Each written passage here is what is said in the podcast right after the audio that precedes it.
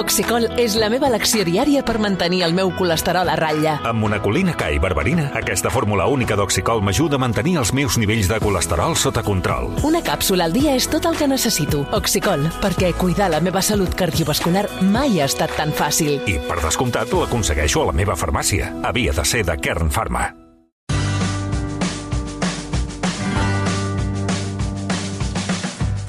Avui a Islàndia ja els tinc tots dos aquí. Maria Xinxó, bona tarda. Bona tarda. Xavi Bosch, bona tarda. Què de l'Albert? Mira, fa just una setmana que ero, ero a París. Tots dos Sí, us sí. veu saludar des de París, eh?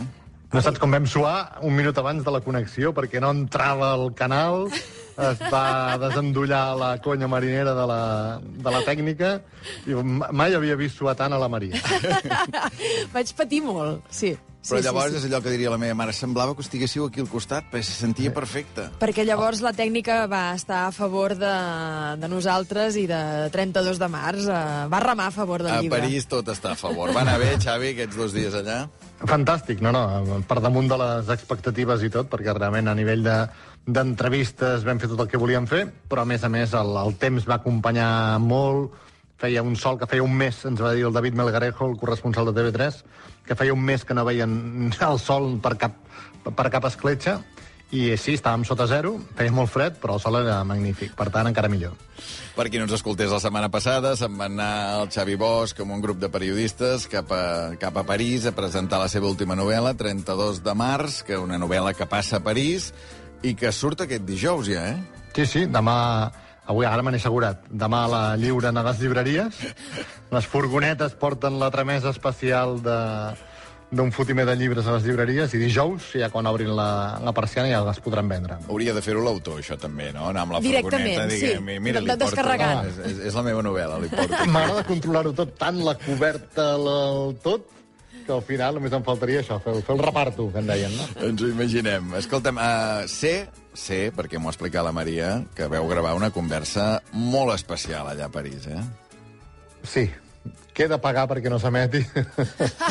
Sí? És aquest nivell, Maria? Home, uh, jo crec que el, el Xavi explica coses que no ha explicat mai uh, en aquesta conversa que, que vam tenir a París. No sé si va ser París, no sé si va ser l'emoció de... On t'ho gravàveu? Em puc imaginar on era aquesta conversa? Era una plaça de Montmartre. Explica, Xavi, una mica Sí, com sí, era. a, a dos minuts de la plaça de Tertre, amb un racó... Va, em va agafar amb fred, perquè estàvem pràcticament a, a dos o tres sota zero, faltava una hora per la mitjanit, estàvem sols, llevat d'un accident amb un gos que ja explicarem si convé la setmana que ve, però, però em va agafar amb la guàrdia baixa, venia de fer totes les entrevistes de tot el dia i em vaig deixar anar, i, i certament em va fer dir coses que no he explicat mai i que potser no hauria hagut d'explicar. Doncs, escolta, ens agrada molt que coses que no hauries hagut d'explicar les puguem sentir. Això serà dimarts de la setmana que ve, eh? Sentirem aquesta conversa, que és el mateix dia que el 14 de març que el Xavi presentarà la seva novel·la al, al Liceu a Barcelona. A més a més, a París, escolta'm, es va produir una cosa que és que et va fer lliurement del sobre de vaticinis. Eh? Era dimarts de la Sí, setmana sí, sí, passada, sí. per tant, sobre en mà i que has portat cap aquí. Eh? De fet, no era encara a París, perquè era, diguem, eh, el El tren. tren, sí, sí. Eh, per tant, no, no, et sap- no recordo on érem. Mm, el, el punt era precís... França, era ja França, però potser per allà balanç, quan es començaven a albirar els, els Alps des de, des de lluny. En tot cas, veu triar bé anar-hi la setmana passada, perquè avui he vist que la cosa Sí. sí. està una mica més encesa, eh? Hi ha vaga, vaga. vaga general a França i les imatges són maques, maques. La Maria Forés, la corresponsal de RACU, ens ho va dir, escolta, eh, aprofiteu, la Laia, perdona, la Laia sí. Forés ens ho va dir, que aprofiteu per, per fer-ho aquesta setmana, perquè la setmana que ve la vaga general hi haurà hòsties al carrer. Doncs, doncs sí, perquè estem veient sí. Bé, eh, avui és 7 de març, la novel·la es diu 32 de març, en parlarem la setmana que ve, sentirem Va. aquesta conversa amb, amb la Maria, surt dijous, es presenta dimarts de la setmana que ve, de seguida també obrim aquest sobre de vaticinis que el Xavi li va donar a la Maria ja en terreny francès, abans però m'ha agradat, no m'ha agradat. Borges us ofereix aquest espai.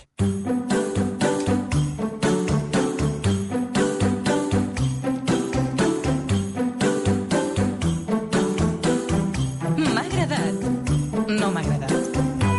M'ha agradat veure que ningú no ha pres mal en l'accident d'helicòpter de la DGT de- d'aquest diumenge a Madrid. M'ha agradat encara més veure que després de l'accident el pilot de la DGT es va fugar i quan finalment la Guàrdia Civil el va trobar, l'home va donar positiu per cocaïna i per metamfetamines. Aquest és el que vigilava el trànsit des del cel. Marca Espanya i així anem. No m'ha agradat trobar-me una persona pel carrer, un home que conec, un botiguer, que ara fe- feia bastant temps que no veia, i la trobada va ser efusiva, per part de tots dos, diria, i amb un punt d'entusiasme jo vaig i li dic «Com esteu?» I la seva resposta seca, seriosa, va ser «Per què ho dius?» No recordava que havia topat amb l'home més susceptible de Catalunya. M'ha agradat, com deia fa un moment, viure l'experiència de dijous passat a París, que teníem l'hotel a Montmartre, teníem ja el dijous la maleta feta per tornar, i entre les 8 i les 9 del matí, amb dos graus sota zero i un cel blau rotund, vaig pensar, eh, vés a fer una última ullada a la plaça du Tertre a veure si hi ha algú, que total ho teníem a dos minuts a peu. Ningú! Tota per mi. Només algun pintoret de caricatura que començava a arribar a plantar el seu cavallet. Ningú. Un privilegi absolut. Estava tan sol que vaig tenir la temptació de fer moltes fotografies en comptes d'aixecar els ulls i mirar què s'hauria d'haver fet. I mirar, sobretot, després per recordar. I vaig mirar amunt i vaig descobrir dues coses en dues plaques. Resulta que en aquella plaça, el 1898, hi va entrar un cotxe de gasolina per primera vegada a la història. El conduïa un tal Louis Renault. I segona, al restaurant La Mer Catherine, allà mateix es va inventar la paraula bistró. Allà es va dir per primera vegada, era el 1814. Bistró, en rus, significa ràpid. I es veu que és el que cridaven els soldats russos, els soldats del tsar Alexandre I, quan arribaven al bar i assedegats cridaven «Bistró!». Parlant de set, no m'ha agradat que els urinaris d'home de l'aeroport d'Orlí t'indiquin que no pots veure l'aigua d'allà, l'aigua que baixa que no és potable. De debò que calia un rètol? De debò que algú pensava ajupir-se i passar la llengua pel pixador de peu dret d'home per veure aquella aigua que baixa? Adjunto la fotografia a les xarxes socials d'Islàndia per demostrar que no m'ho invento. M'ha agradat també que Pere Aragonès hagi encomanat a un politòleg, com Marc Sant Jaume, que explori i piloti l'acord de claredat. L'acord de claredat, ja us ho dic, eh, està claríssim.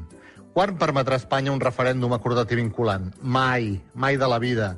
Per tant, ja està tancat l'acord de claredat. El politòleg ja pot passar a cobrar per l'encàrrec. I finalment, no m'ha agradat que avui faci dos anys de les eleccions al Barça i pitjor encara, que en faltin quatre per les següents. Li podríem preguntar a la porta, com esteu? I potser la resposta seria, per què ho dius?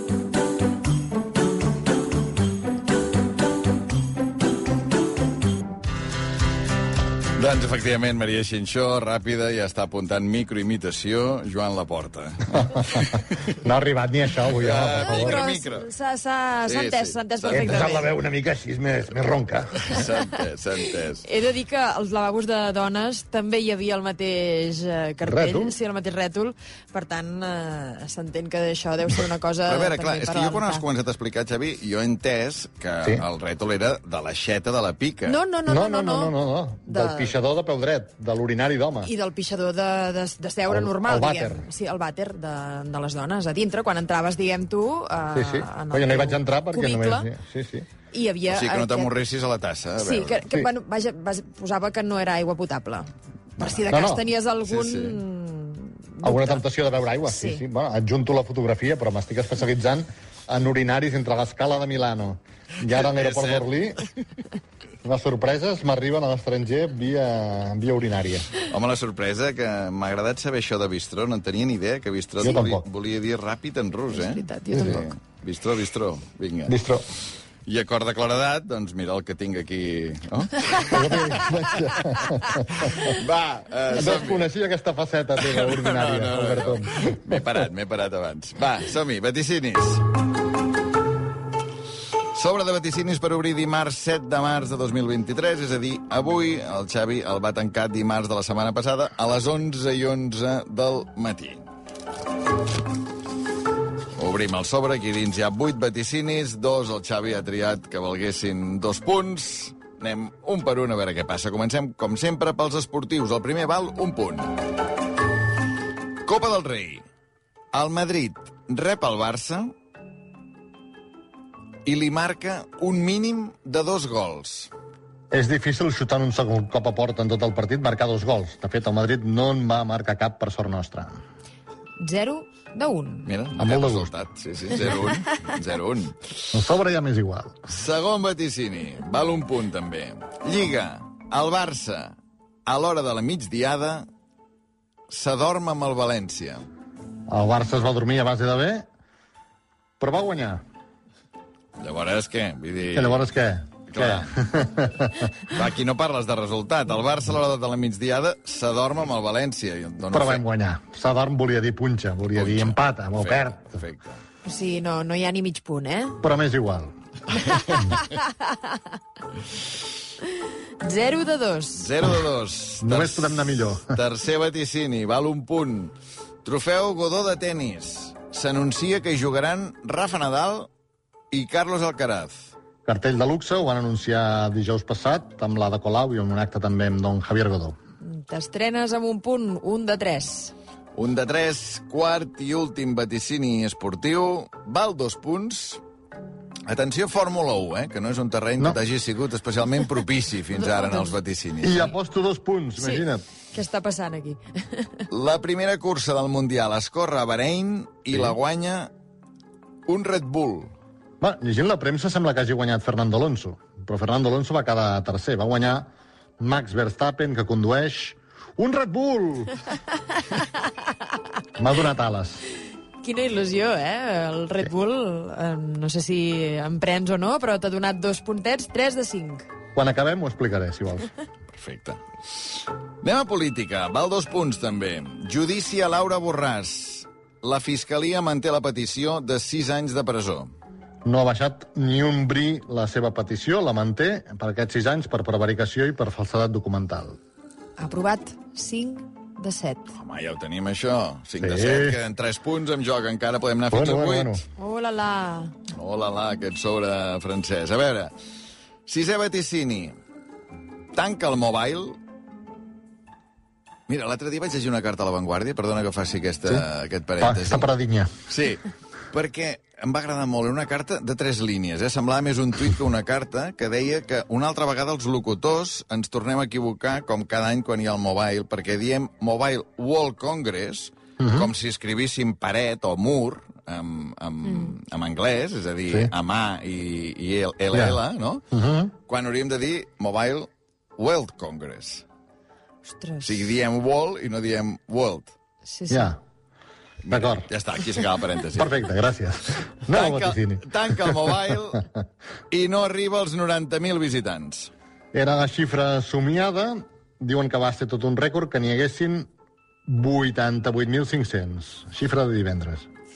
6 de 8? Sí, sí, perquè vaig... A més, eren 80.000, em sembla, les previsions, i van dir, sí. han superat les previsions i hem arribat a 88.500, eh? 88.500. Pels pèls. Sí.